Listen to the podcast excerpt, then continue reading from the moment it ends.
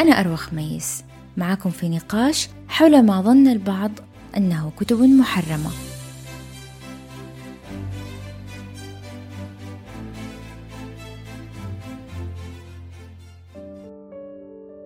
السلام عليكم. مساء الخير. آه، أهلا وسهلا بكم. أهلا أنس كيف حالك؟ يا أهلا ومرحبا. الحمد لله تمام.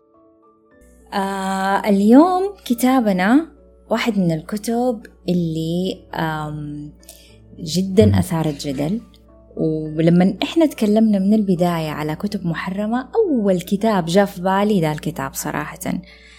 آم تبغاني أقول لك ليش؟ ولا تبغى أنت آه تقول لي انطباعك الأولي بس أول ما قرأته؟ كتاب لا متناهي في راحة اليد رواية تقريبا. أي. طيب أول حاجة آه خليني أعرف بالرواية قبل ما نبدأ فيها.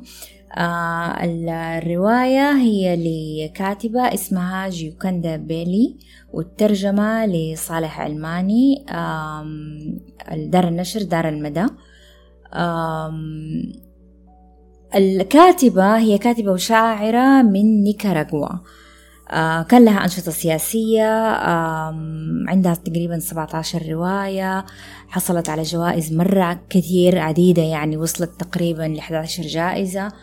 آه وقالت هي كلام عن الرواية قالت هذه الرواية هي تخيل يستند إلى تخيلات كثيرة يستند إلى تخيلات أخرى وتفسيرات وإعادة تفاسير نسجتها البشرية حول أصولنا منذ أزمنة لا ترقى إليها الذاكرة.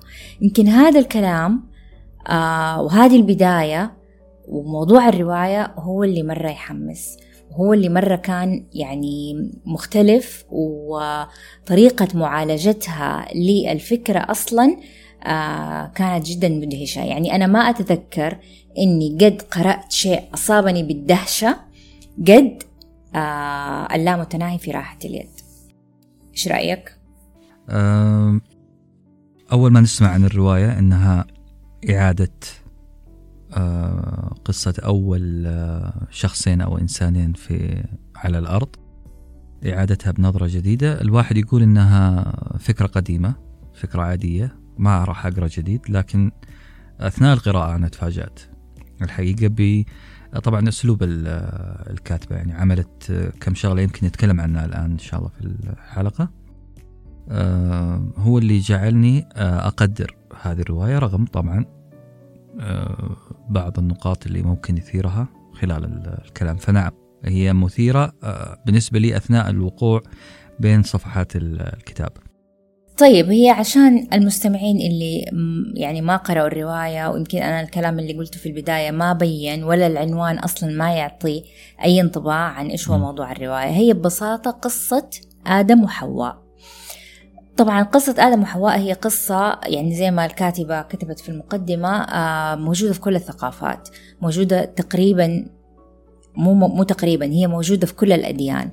طبعا تختلف الروايات والتفاسير والتفاصيل آه هي آه تخيلت القصة وأعادت كتابتها مرة تانية. طبعا استندت إلى الكتب المقدسة وحقيقي ما أعرف. أعتقد إن هي ما كتبت إنه يمكن رجعت للقرآن ما أدري.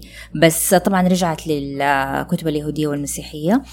والقصة هي نفسها القصة يعني لكن التفاصيل الشيطان وكيف كان يمثل هذه بعض الاختلافات. مين اللي بدأ يأكل من الشجرة؟ هذه الأشياء كلها ممكن يكون مختلف فيها وممكن يكون آه كل دين أو كل آه يعني آه جماعة لها روايتها الخاصة.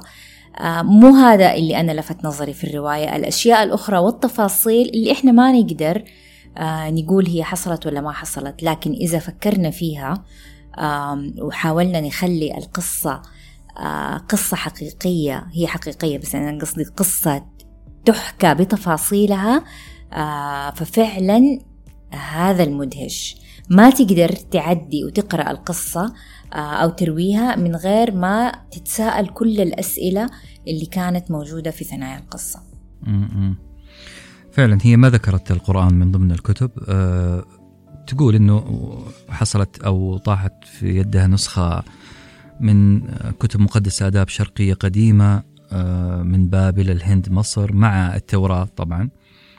سند واضح إنه استندت لهذه القصص والتوراة بالذات لأنها فيها شوية اختلافات عن روايتنا إحنا. الدينية اللي جات ما جت بشكل مفصل طبعا. الأحلى زي ما تفضلتي أنت الآن إنها دخلت في تفاصيل تعرف آدم وحواء في روايتها طبعا على الكون على زي ما أنت عارفة هم ما ولدوا صغار وبدأ الوعي يتشكل تدريجيا. تجاه الأرض والطبيعه وطبيعتهم هم كأجساد ما يدور في داخل جسمهم لا هم ولدوا بكامل وعي بالغين أو وجدوا خلقوا في القصة طبعا موجود هنا بكامل وعي وبدأوا يستكشفون بطبيعه الأرض. فهنا كان جمال الرواية التفاصيل استكشاف المجهول بالنسبة لي أول إنسانين موجودين على سطح الأرض. أصلا أصلا أنس يعني أنا أقعد أفكر. تخيل تخيل أنت مثلا آه إنك موجود وإنه ما في ولا شيء ما في ما في أي وعي إنساني ما في أي تراكم لأي ثقافة لأي شيء. أنت ما أنت لحالك في الأرض. أنت لحالك في في الدنيا. أنت لحالك قدام كل شيء وبتشوفه لأول مرة. كيف ممكن آم آه يعني مخك يستوعب ويعرف أدوارها ويعرف دورك أنت في وسط كل دي الأشياء. يعني فعلا هي آه شيء يبدو كالمعجزة صراحة. آه كيف أنه آه آدم وحواء كان لهم آه يعني السبق في بداية الجنس الإنساني أصلا. في بداية كل شيء كل شيء. يعني إيش ما قلت من آه أشياء إنسانية إحنا دحين متعودين عليها وكثير منها ب يعني نكتسبها خلال فترة نشأتنا أو إحنا أطفال صغار أو يعني مختلف الاستخدام الحواس مختلف الأطعمة مختلف المعاني المختلفة العلاقات المشاعر الأحاسيس فهم الأشياء أنت لما تكون جيعان ولا لما تكون عطشان ولا لما تكون نعسان ولا التفاصيل دي البيسك الأساسية آه كيف آدم وحواء تعاملوا معاها؟ كيف أول إنسان حس بالجوع حس إنه بطنه قرصته عشان جيعان؟ كيف أول امرأة حملت؟ كيف لما بدأ البيبي يتحرك في بطنها وإيش حست؟ إيش كان ممكن في مخها يعني؟ إيش إيش جاء في بالها يعني؟ الآن الوحده لو حملت وبعدين خلاص هي عارفة إنه بدأ أوه بدأ الباب يتحرك ويجوا يحطوا يدهم وتحط يدها وتحس هي عارفة ليه ليه هذا كله بيصير. لكن تخيل إنسان أول مرة أول امرأة تحمل بالله إيش اللي بيتحرك في بطنها وإيش يعني كيف ال ال آه، استيعاب لهذا الموضوع وتفسيره أصلا في حياتها؟ أه سؤالك الأول اللي هو كيف تقدر تتخيل أنك تبدأ تستوعب أشياء كثيرة في نفس اللحظة؟ آه هذا ممكن أعيده لطفولتي لما آه إحنا من سكان مدينة جبلية مرتفعة أكسجينها قليل آه هواءها عليل آه بارد نوعا ما. لما كنا ننزل جدة اللي تبعد عنا تقريبا ساعتين. آه أحس أني كائن جديد مستغرب جدا من النفس اللي آخذه. الشهيق اللي آخذه والزفير بالتبعية يعني طبعا. آه، الجو غريب آه، في لحظات ذهول أو فترة ذهول تجلس معي يومين ثلاثة وأنا أستكشف الجو الجديد هذا. هذا فقط آه، اللي هو إيش نقول رطوبة الجو اللي اختلفت خلتني في حالة ذهول لأنه جسمي بدأ يتعامل مع شيء جديد. فما بالك بإنسان بيستكشف كل شيء جديد في حياته. نعم أنا معك إنه الكاتبة جدا أبدعت بدعت في في وصف هذه اللحظات. آه زي آه أنا هنا كاتب نقطتين مثلا. آه بينما هو ينظر تتكلم طبعا على آه، في القصة الموجودة اللي هي شخصيه آدم. آه، نزل الهواء عبر حنجرتي فأيقظت الريح الباردة حواسه. آه، يعني حتى الأكسجين اللي هو دخول النفس إيوه. شيء مسلمة شيء مسلم ما حيفكر فيه الواحد هو كان آه، مؤثر فيه. نزل هواء عبر حنجرته فكان شيء مهم جدا. انبثقت الكلمات والأفعال من أعماقه بدأت الكلمات يعني تتحرك بدأ يشير إلى الفراشة الأسد الزرافة. نبضات قلبه كمان كان يراقبها. ففيه آه، زي ما تقولي ترقب شديد في اللحظات الأولى آه، عبرت عنه الكاتبة بفن. رائحة العشب هذه اللي ما حد فينا اللي ساكن جنب حديقة حاجة عادية. لا هنا كانت شيء غريب جدا. هذه نقطة حلوة من الكاتبة والنقطة الأهم والأحلى عندها تحليل نفسي للشخصية تدخل داخل عقل الشخصية زي مدرسة العقاد. آه، عباس محمود العقاد كان بيدخل في عقل الشخصية التاريخية ويشوف كيف كانت. تفكر إيش الدوافع اللي خلته يفعل كذا وكذا وكذا. يسموها المدرسة النفسية في النقد الأدبي أعتقد. مهم. آه، طبقته الكاتبة على شكل آه، وصف توصيفات ودخول في عقل كل آه، شخص تخيل لما شخصية. تدخل في عقل آدم وحواء.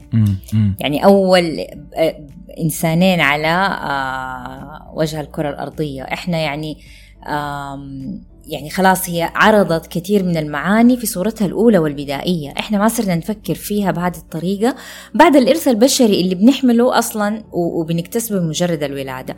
بعض المعاني هذه كانت حسية زي مثلا الجوع العطش الألم الجنس القتل الرضاعة الولادة الدورة الشهرية هذه كلها أشياء نحسها. لكن بعضها كمان كان معنوي زي مثلا آه، مفهوم الاغتراب أو إحساس الاغتراب الخوف الشعور بالذنب. أيوه المسؤولية الأمومة الحب الرغبة كل دي الأشياء يعني تخيل يعني هذه المشاعر كلها ما كان لها أسماء يعني هو في القرآن وهذا كمان يعني موضوع وعلم آدم الأسماء كلها هل يقصد بالأسماء إنه هذه المشاعر وهذه المعاني كلها هل هو كان يعرف أسماءها خلاص؟ يعني كان يعرف إنه هذا مم. جوع هو هو هذا الإحساس اسمه جوع وهو يعني إني أنا لازم آكل؟ يعني تخليك تقعد تفكر مرة كتير في في آه هذه المعاني. لكن خليني أسألك سؤال.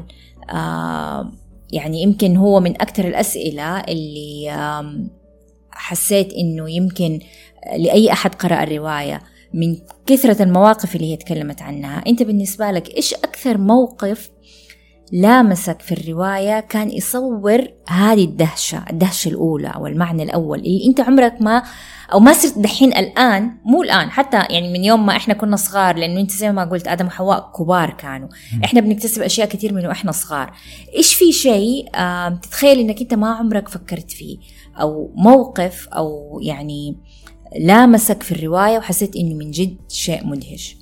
طيب خليني أقول الكلمة اللي هي جواب سؤالك بعد كذا برجع بس حاجة سريعة. آه الرواية علمتني التكامل وحرجع أشرح الآن التكامل. بس في نقطة قلتيها مسألة تعليم آدم عليه السلام تعليمه الأسماء كلها. في رأي يقول إنها أسماء الملائكة. يعني مش أسماء الأشياء وإن اللغة انبنت طب تدريجيا. ليش ليش ليش آدم كان يبى يعرف أسماء الملائكة؟ آه، لا، هذه ما ندري. يعني أقصد من التفاسير اللي لهذه الآية تقول إنه الأسماء كلها أسماء الملائكة. آه مين ما أدري هل هو معتبر ذا التفسير ولا لا لكن واحدة من التفسيرات. وإن كانت الأسماء كلها بالنسبة للأرض ممكن أو طبيعة ال- الم- موجودات في الأرض. آه برضو تفسير وارد. آه لكن في آه في القصة هنا آه واضح إنه ما عرف الأسماء كلها. لأنه كانوا يتساءلوا عن ما هذا ما هذا ما هذا ويبدأ شرح كل مثلا جبل هذا جبل عبارة عن كذا كذا شرح ال- البديهيات. فأعتقد في الرواية ما اعتمدوا على إنه عرف كل الأسماء. والله العالم. إيوه أم- بس أنت يعني لما إحنا نقول آه، عرف كل الأسماء هل هو عرف الاسم فقط ولا عرف الاسم والمعنى؟ مم، يعني أنا قصدي الاسم دائما يكون محمل بمعنى. صحيح. آه لما تقول مثلا آه شجرة فهذا هذا محمل بمعاني كثير. شجرة يعني اللي هي تطلع واللي هي تطرح الثمار واللي هي ورقها لونه أخضر واللي هي ممكن تكون آه تديك ظل مثلا. هل آه كان تعليم الأسماء بهذه آه هل يقصد به كل هذه ال- المعاني. بالإضافة إلى الاسم يعني هو شيء طبعا زي ما أنت قلت يعني تفسيرات كثير لكن هذا يخليك تفكر مرة كثير في علاقة الاسم بالمعنى يعني. ما له ما له معنى أو يعني إنه يتعلم آه اسم شجرة أيوه طيب الاسم شجرة بس. الأكثر هو المعاني والمدلول أو. أيوه يعني مدلول الاسم نفسه. طيب يلا جاوبني على السؤال. إيش هو أكثر موقف. لامسك؟ القصة آه، الرواية واحدة واحدة آه، ح- آه، التكامل عجبني تكامل الذكر والأنثى علاقة الذكر بالأنثى آه، كان فيها تكامل رهيب. يعني آه، معلش هي الرواية وضعت صورة نمطية للذكر. آه، خلينا نقول الرجل لا مبالي شوية آه، لا مبالي بفهم طبيعة الأشياء ومفاهيمها. المرأة أكثر آه، اهتمام بالتفاصيل. هذه الصورة النمطية اللي الرواية مم. حطيتها في عقلي. برغم أني مو تماما مع هذا الرأي مسألة التنميط لكن آه، بصراحة التنميط هذا خلق شوية تكامل. يعني بدأت أتفهم الطرف الآخر أنه أجد أنه لا يمكن أن لا تكون علاقة بين علاقة صحية بين الطرفين وعلاقة تكاملية بحيث أنه في اختلافات بينهم. وهذه الاختلافات اللي هي الاختلافات بالعربي آه، رجل حذر في بيته آه، أقل آه، اكتراث بالتفاصيل وامرأة تسأل ليل نهار عن معنى الأشياء وكأنها تبغى ت- ما تبغى تعيش الحياة إلا بفهم كامل لما, لما حولها من آه، ظواهر. آه، هذا التكامل أنا شايفه عجيب جدا. ما أدري ليه آه، حسيت أنه ممكن العلاقة المكهربة الآن بين الجنسين ممكن تهدأ. لما إذا إذا قرأت رواية زي كذا. هذا إحساس آه، مبدئي طبعا آه، حنفهم بعض أكثر. الطرفين حيفهموا بعض أكثر بعد قراءة الرواية. آه، من الأشياء اللي آه، عجبتني مرة من المواقف آه، اللي حقيقي هزتني يعني. آه لما آه ولدت آه، موضوع مم. الولادة آه كان يعني آه جدا صراحة محمل بال بال بالكثير من المشاعر وما أدري أنا يمكن عشاني يعني امرأة ومريت بهذه التجربة أصلا فعشان كذا كان بالنسبة لي آه الموضوع حقيقي مؤثر جدا أو إنه هي. أصلا كأول امرأة تولد في الدنيا وهي ما هي عارفة إيش بيحصل هي ما إيش مم. بيصير أصلا وشافت المفهوم أو الكونسبت أو العملية نفسها عند بعض الحيوانات ف... نعم. أيوه ففضلت يعني إنه آه، تترقب يصير لها نفس اللي آه، بس كمان ال- الكاتبة أبدعت حقيقي في آه، تصوير هذه ال- اللحظات يعني. وبالذات إنه الحيوانات كلها كانت تتفاعل معاها الكون كله كان كأنه يقف بجوارها. فأيوة كانت لحظة خلق الإنسان أو ولادة الإنسان كانت آه، لحظة كده ما أدري آه، مختلفة جدا يعني. يمكن كمان من اللحظات الغيرة بين الرجال بين البنات صورت كمان معنى أول اللي هو بإحساسه الأول وتداعياته والأشياء المشاعر الحلوة والمشاعر اللي جدا سيئة وما هم قادرين يفهموها ولا يعني بالذات بين بين الأولاد يعني. من الأفكار المؤثرة أحس فكرة قتل الحيوانات من أجل الطعام البقاء على قيد الحياة الصراع الأخلاقي في هذه الفكرة أصلا. بالذات إنه كان في يعني في أبسط صوره في نفس حواء يعني ما هي قادرة كيف هي اللي اللي ولدت وجابت حياة جديدة وهي ما هي قادرة تتآلف أو تتفق مع فكرة قتل الحيوان عشان تاكله.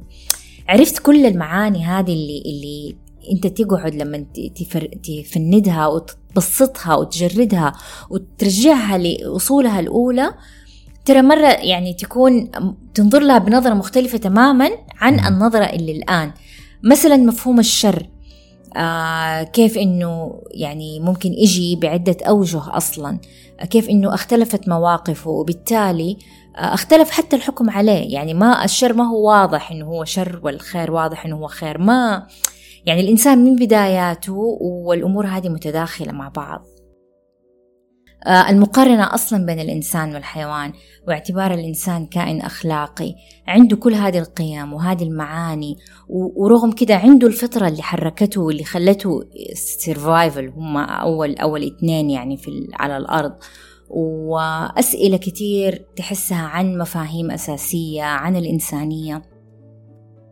فأنا. أظن تكلمت كتير. خلاص دورك أنس. آه جميل. أنا هنا بقتطع بس آه، جزء من آه الرواية آه عن مشاهدة حواء في القصة لحمل الفرس. تقول لاحظت حواء أن بطن الفرس منتفخ مثل بطنها. هذه أول مقارنة محاكاة أو خلينا نقول مقارنة بين الإثنين. علي وقالت لزوجها علي أن أرى ما الذي تفعله يا آدم فأنا أظن أن موعدها قد أزف. اقتربت حواء بحذر جثت إلى جانبها تحركت الفرس كأنها تريد النهوض في التفاصيل لعملية ال- الملاحظة. آه،. طبعا وهذا واضح إنها تحاول تفهم إيش اللي حاصل لها هي. فدائما آه، في الرواية هذه الكون معلم وكأنها مدافع كأنها رواية تدافع عن المدرسة ال- يسموها إيش الطبيعية؟ لا. الساينتفك ميثود اللي هي مم. تعتمد على الملاحظة. لاحظوا الكون عشان تفهموا قوانين هذا الكون. آه، جميل كانت جميلة هذه المقاطع. آه، بالنسبة آه، أنا عندي سؤال متعبني جدا. وخلينا نتناقش فيه. أنا عارف إنه ما عندنا جواب لكن آه، نحاول نتناقش فيه. الرواية اسمها اللامتناهي في راحة اليد. مم. إيش إيش علاقته بقصة آه، بين قوسين آدم وحواء؟ آه، شوف آه، ما أعرف بس أفتح البداية استنى خليني أنا أفتحها هنا مكتوب آه، في المقدمة أظن. آه، لنرى العالم لترى العالم في حبة رمل والسماء في زهرة برية اجمع اللامتناهي في راحة يد والأبدية في آه، ساعة واحدة. يعني ما أعرف بس آه، يمكن كمية الأشياء المتناقضة العلاقة بين اللامتناهي والأبدية بس إيش علاقتهم بآدم وحواء؟ آه ما أعرف. حقيقي ما أدري. من لما قرأت الرواية وأنا أصلا الاسم كان غريب يعني ما كان.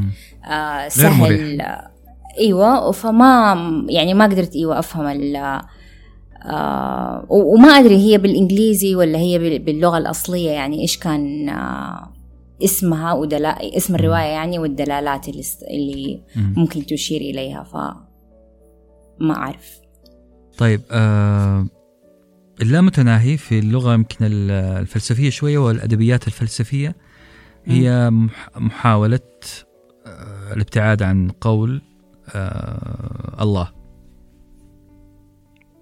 ابتعاد آه. شوية. ما بيقولون الله أو الرب أو الإله. يبتعدوا عن اللغة الدينية شوية في الفلسفة ويقول لك اللامتناهي أوكي. اللي هو اللي ما له نهاية. م- م. معروف اللي ما له نهاية. أيوه أيوه. نعم. آه، فكأن الكلمة أو أنه الله سبحانه وتعالى يتجلى في ال- في الكون. إحنا عندنا مدرسة زي كذا إسلامية مم. اللي تقول آه، يرى الله عن من خلقه في خلقه. عظمة مم. الكون الفضاء الكواكب المدرية كلها تدل على أنه آه، الله وجود الله سبحانه وتعالى. فكأنها تحوير لهذه الفكرة في عنوان قصير اسمه اللامتناهي في راحة اليد. أنه ممكن أن نرى هذا الوجود الأبدي أو علة العلل آه، نجدها في راحة اليد من خلال صنع آه، رمل حبة رمل في يد إنسان. ممكن آه، أعتقد كذا. يعني أتوقع أيوة يعني هذا تفسير معقول لل معنى إذا كانت اللغة نفسها يعني قلت لك موضوع الترجمة مع إنه اللي مترجم الكتاب صالح علماني آه، فأتوقع إنه يمكن هذه أقرب ترجمة آه، للاسم يعني اللي مفترض الأصلي يعني.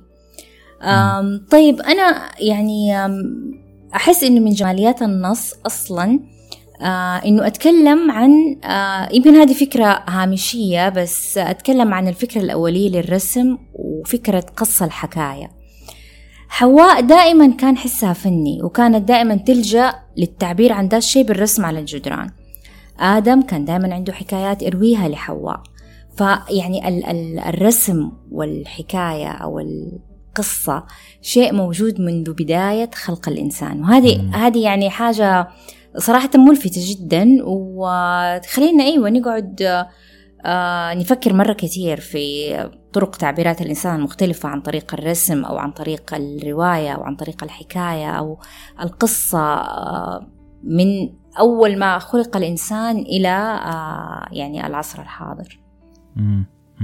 فعلا في مقطع هنا اللي يقول إنه كانوا يستخدمون بقايا ال- الحطب المحترق للرسم على جدران ال- الكهف اللي كانوا ساكنين فيه.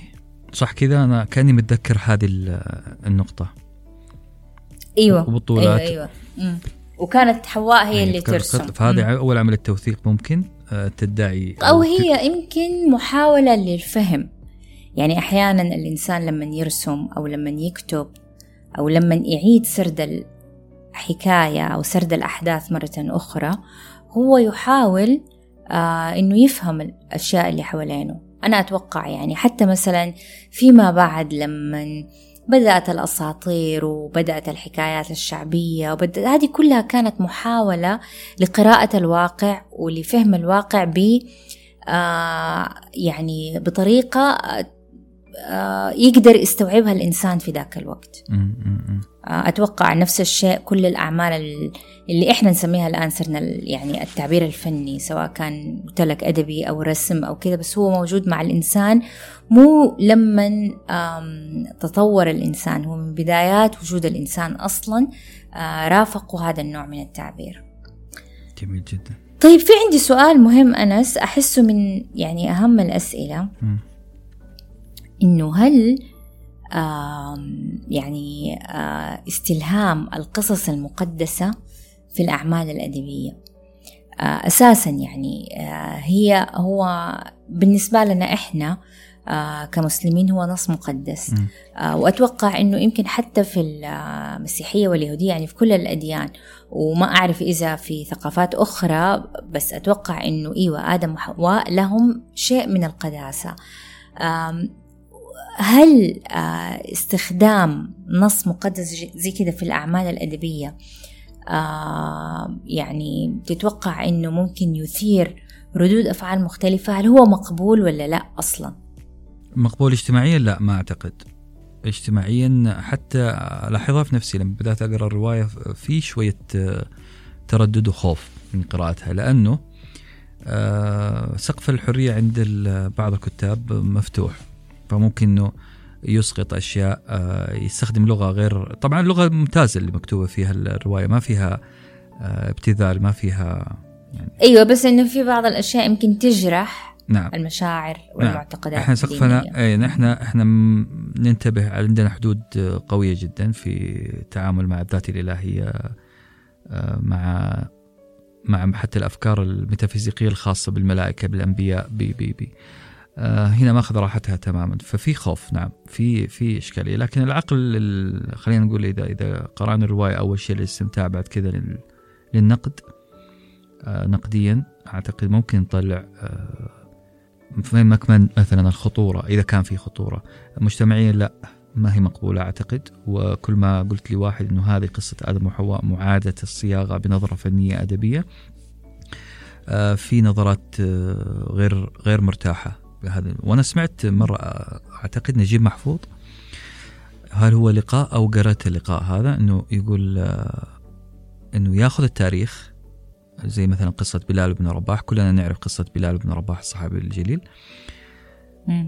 إنه آه، نعرف قصته ما بعد ما بعد آه، تعذيبه وكذا.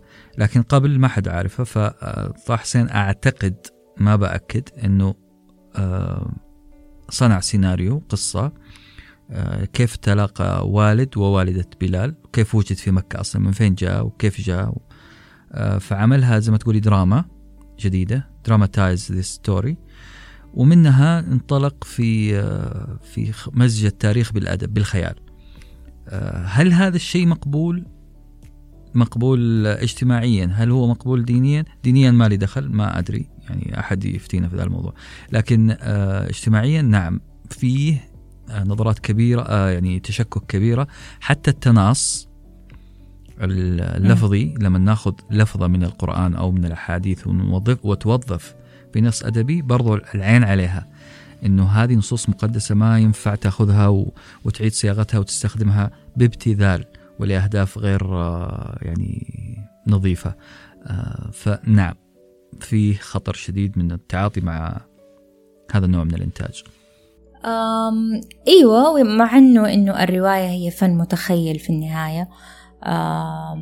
لكن إلى أي حد ممكن آه، إقحام يعني المفاهيم الدينية في آه، الرواية أو في هذا الخيال يعني ما أقدر. أنا أنا شخصيا يعني مؤمنة إنه ما ما تقدر تفصل قد كده بين ال ال آه يعني حدود الأفكار في مخ الإنسان ما بين الفكر مثلا الثقافة الدينية وإذا كان هو عنده توجه أدبي مرة صعب الفصل بشكل حاد يعني. لكن هذا هو السبب اللي خلى ذا الكتاب نختاره آه إنه يكون من ضمن آه بودكاست كتب محرمة. لأنه إيوه نعرف إحنا قد إيش آه رواية زي دي وإن كانت محملة بكثير من الأسئلة ومن المعاني ومن ال ال يعني الدعوة إلى إعادة التفكير في الأشياء المسلمات اللي إحنا صرنا عايشينها لكنها ممكن مرة تثير ردود أفعال يعني جدا مختلفة ومتباينة. وأنا أقول لك أنس قبل يمكن ترى أنا قرأت الرواية قبل يمكن سبع سنين ما أدري. في جروب القراءة اللي كنت عملته من زمان. وحقيقي كانت من أكثر الروايات اللي سببت جدل كبير. آه، لأنه البعض كان شايف إنه كيف يعني آه، آدم وحواء إحنا عندنا قصة عادية مو عادية قصة معروفة بطريقة معينة. التفاصيل هذه كلها وزي ما أنت قلت الكاتبة كانت اخذه راحتها وبحكم إنه هي ما هي ثقافتها أصلا إسلامية يعني. فطبعا هذا سبب يعني زي جرح ولا كذا مضايقة لكثير من الناس إنه ما لا ما ما نبغى آه، نخوض ونسمع في أشياء زي كذا. آه، ففي النهاية هذا هو اللي سبب جدل كثير. ورغم رغم كذا يعني أنا برضو أقول لك كانت من أجمل بالنسبة لي أنا كمديرة group يعني كانت من أجمل آه، اللقاءات والحوارات اللي كانت في ال group يمكن بسبب هذا الاختلاف والآراء المختلفة. أي قصة تنأخذ من التراث وتنعمل عمل فني أدبي رواية أو مسلسل أو فيلم المعترضين أكثر من المؤيدين لأنه فيه في لعب في الشخصية. الناس ما هي بتعمل autobiography أو biography آه، سيرة ذاتية فيلم وثائقي لازم أقول الحقائق اللي موجودة في الكتب. لا بيعملوا في حبكة في إضافات في تفاصيل كثيرة هنا ذكرت بصراحة. أعطت صورة نمطية للمرأة أنها سبب المشاكل. خليني أنا أقول لك رغم أنها كاتبة المؤلفة لكنها دائما ما تضع أنه دخول المرأة في التفاصيل والأسئلة المتكررة والفضول لمعرفة هذا المجهول آه، قاد إلى مشاكل لاحقة. آه، في نفس الوقت أعطت صورة نمطية لهمجية عند الرجل. آه، زي مثلا يمكن في الأخير بدأت تختلف الرواية. لما ولد ولدين وبنتين لأول إنسانين في على الأرض آه، كانت العلاقات غريبة جدا. طبعا ما وجد لسه حكاية إنه أنتم أقارب أنتم أخوان ولا ما في إلا هذول لازم يتزوجون من بعض. فحصلت الغيرة حصل القتل حصل الحسد. في في روايتنا المعتمدة الدينيه الاسلاميه آه، جات بشكل عام القصة. يعني واحد قبل منه آه، عطاء والثاني أو قبل منه إيش؟ إيش نسميه إحنا؟ قربان قربان وواحد ما قبل منه. لحكمة لا نعلمها. طبعا هي حاولت تفسر الحكمة هذه والسبب بتفاصيل دقيقة وبدأت بدأت الاتهامات. عارفة يعني أنا أرجع للماضي أنبش فيه وأبدأ فعلا أعالج نفسيا ما يدور في عقول الشخصيات وأخلي هذا حاسد وهذا آه، غير حاسد. هذا كريم وهذا لئيم. آه، فهي الإسقاطات اللي يمكن تضطر الروائيه إنها أو الروايه عالم الروايه يضطر إنها تسوي الشيء هذا آه برضو حيعمل إشكالية لأنه ما إحنا عارفين فعلا إيش اللي حصل ذيك الأيام. جاتنا بشكل عام القصة.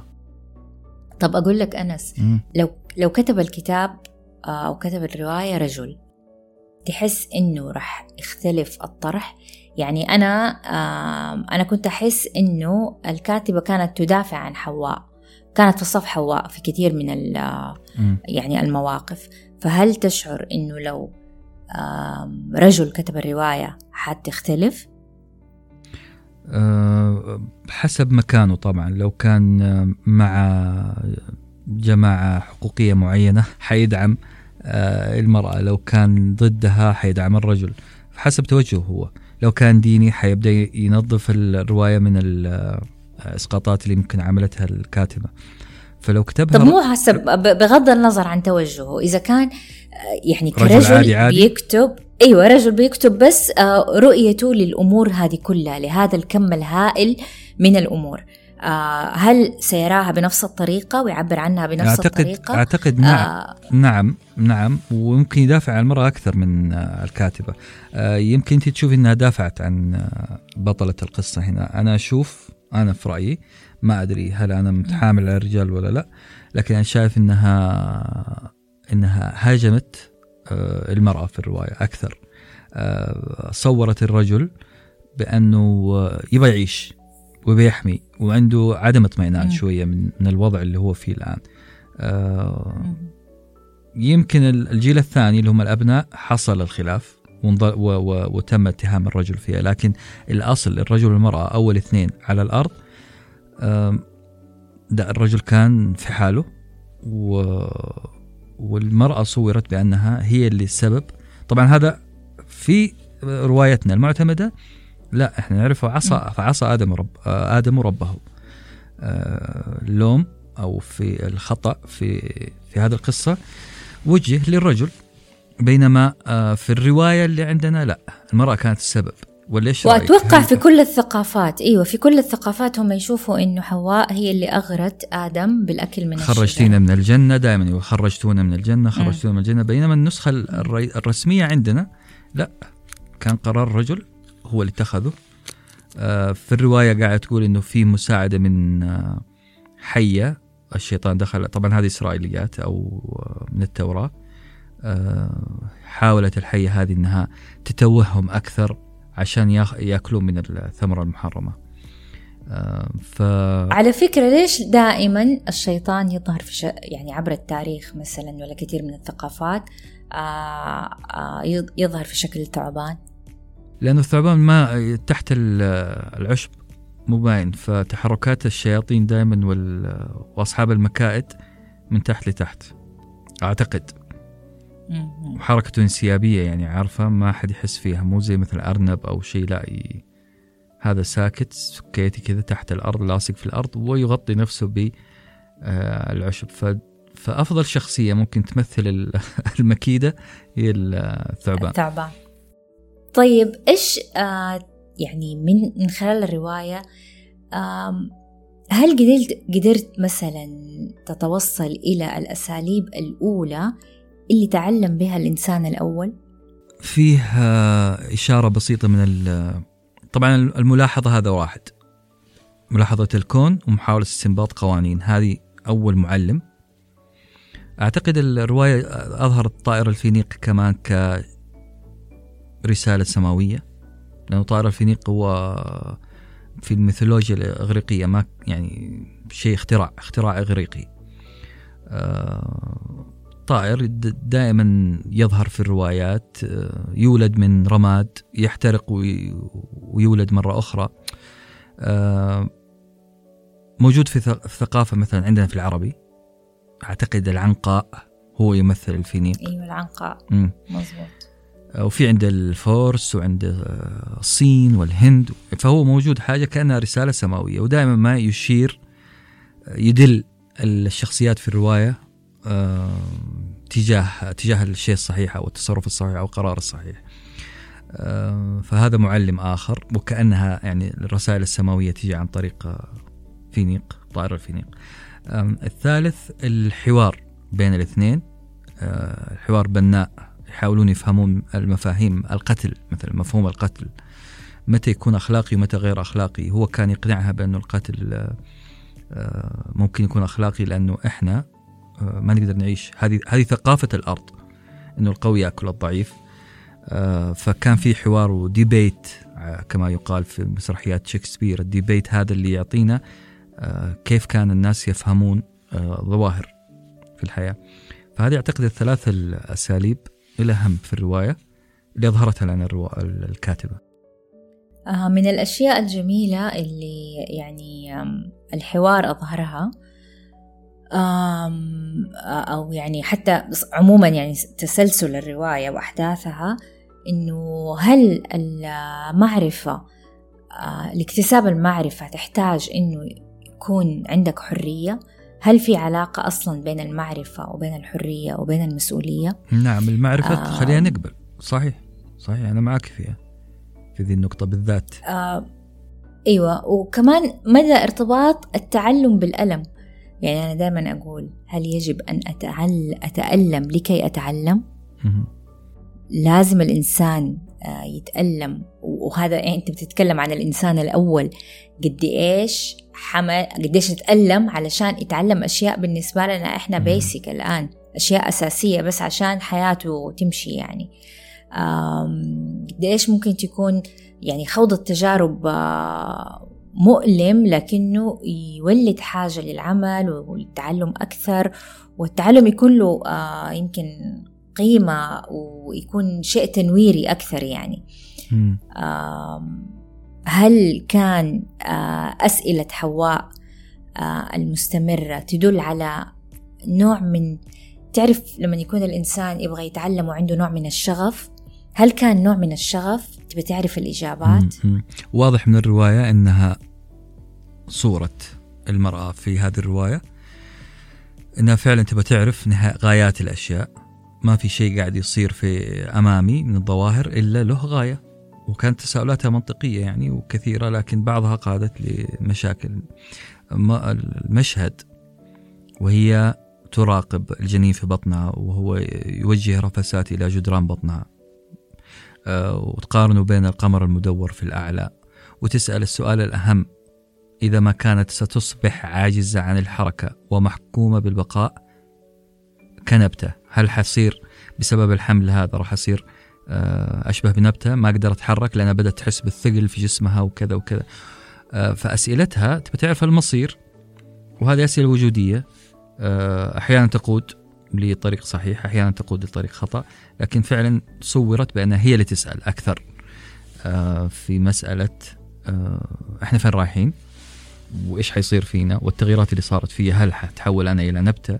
آه، يمكن أسئلة غريبة وتبدو ساذجة في الرواية لكنها فعلا لشخص ما قد مر بتجربة حمل أو انسانه ما قد مرت بتجربة حمل أكيد بتسأل تقول أنا إيش نهاية الانتفاخ هذا؟ أصلا موضوع الأسئلة يعني يعني آدم وحواء أو حواء يعني كانت بتسأل أسئلة مرة كتير لأنها آه يعني زي ما أنت قلت التجربة الأولى واللي من فين أصلا يعني ما عندها أي معرفة إنسانية أو أي إرث أو أي شيء يساعدها إنه تجاوب على هذه الأسئلة.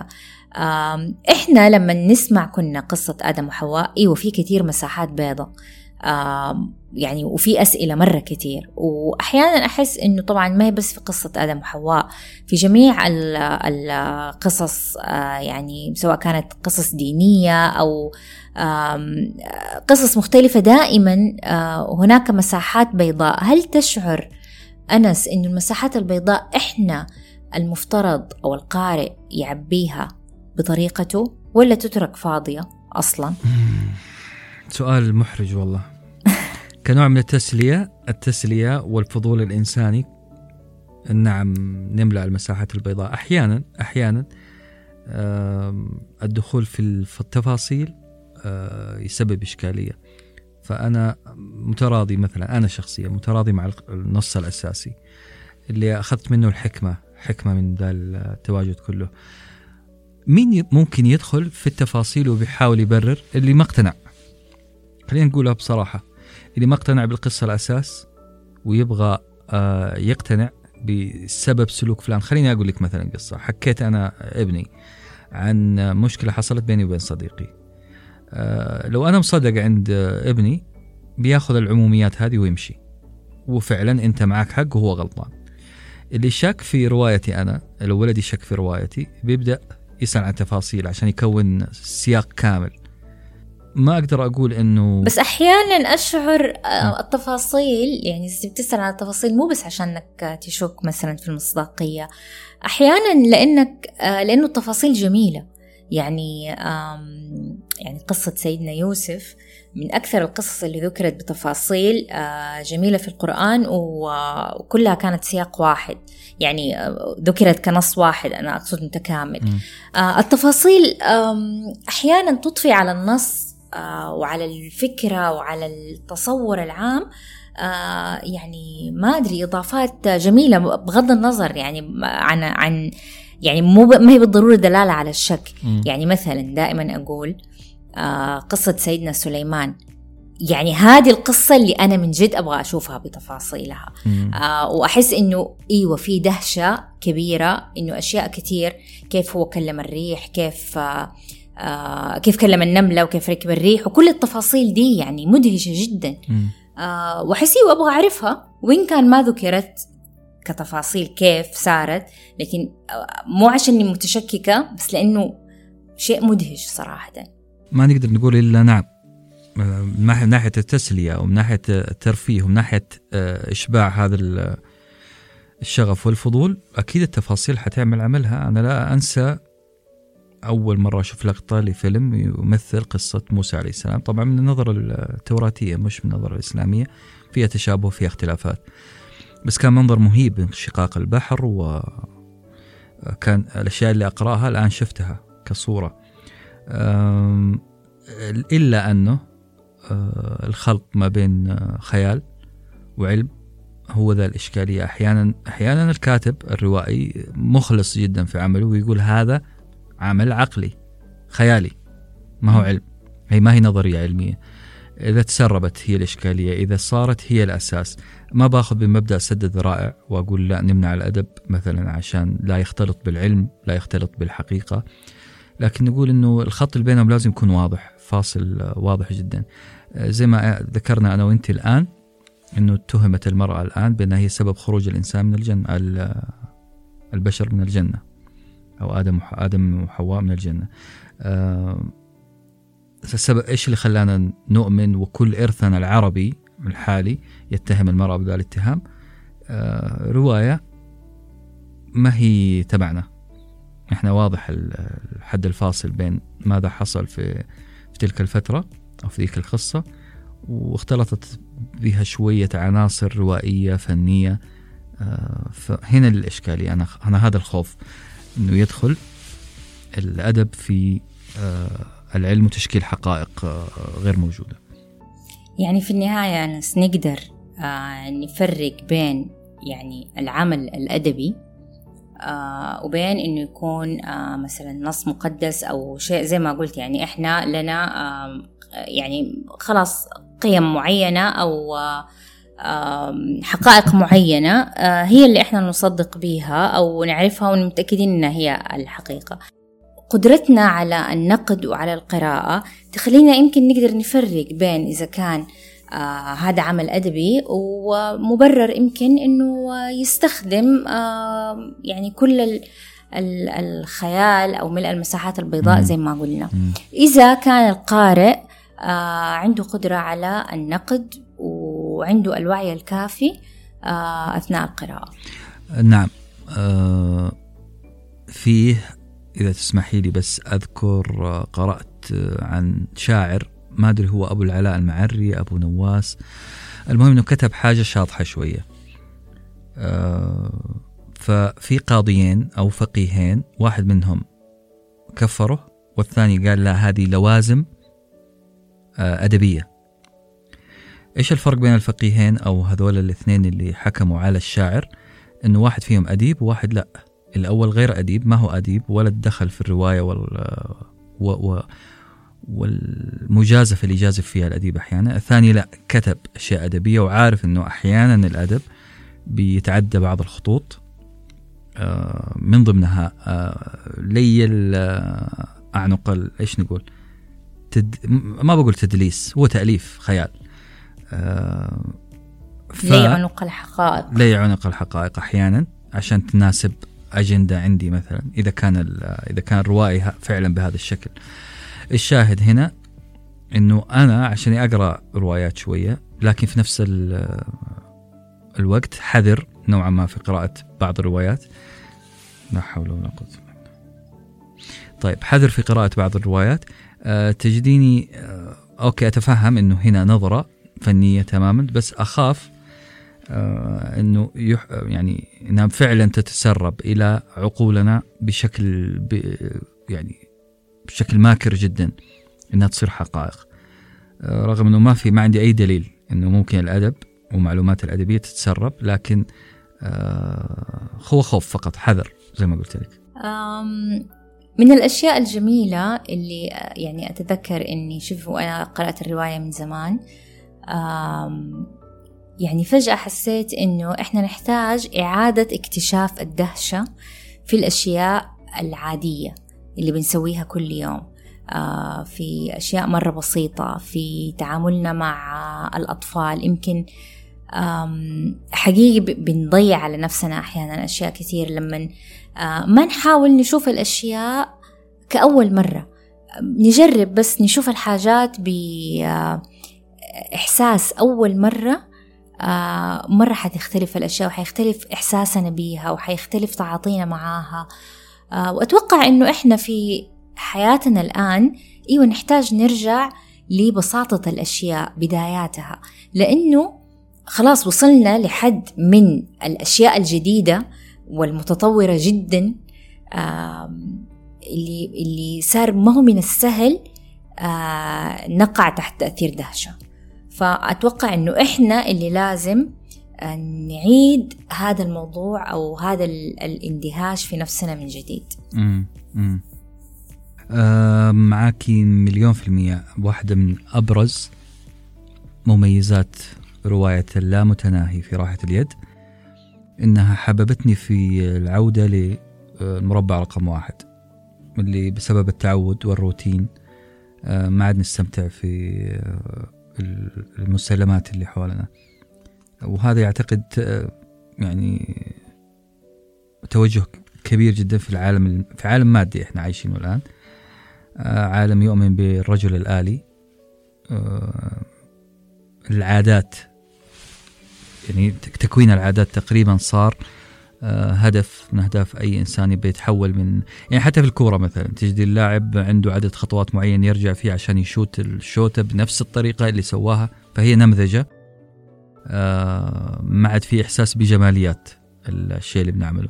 فالرجوع لمربع رقم واحد آه، نستمتع فيه بحياتنا زي ما وصفت الكاتبة حكاية اندهاشهم من الغيوم إيش في بعد الغيوم؟ يعني ما عاد في أحد الآن يوقف.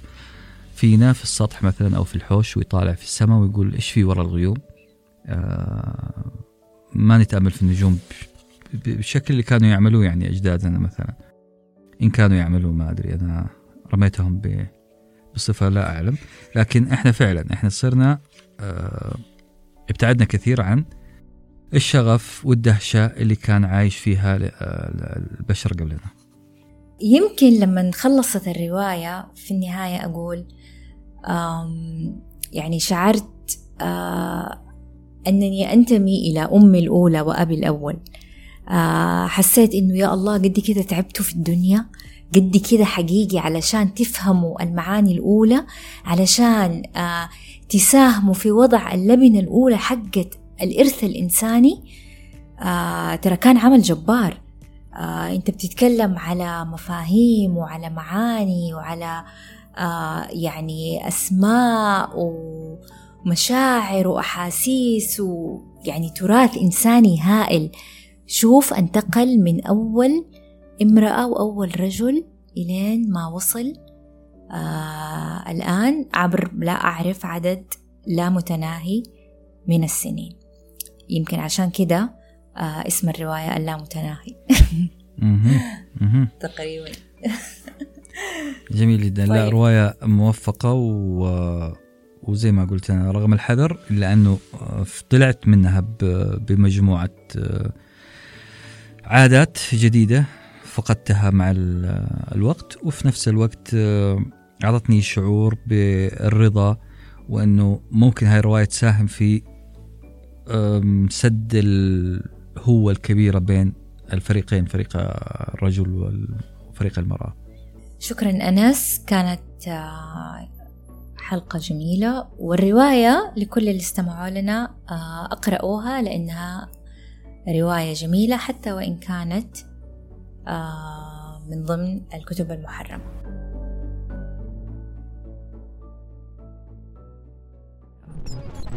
أنا أروى خميس معكم في نقاش حول ما ظن البعض أنه كتب محرمة.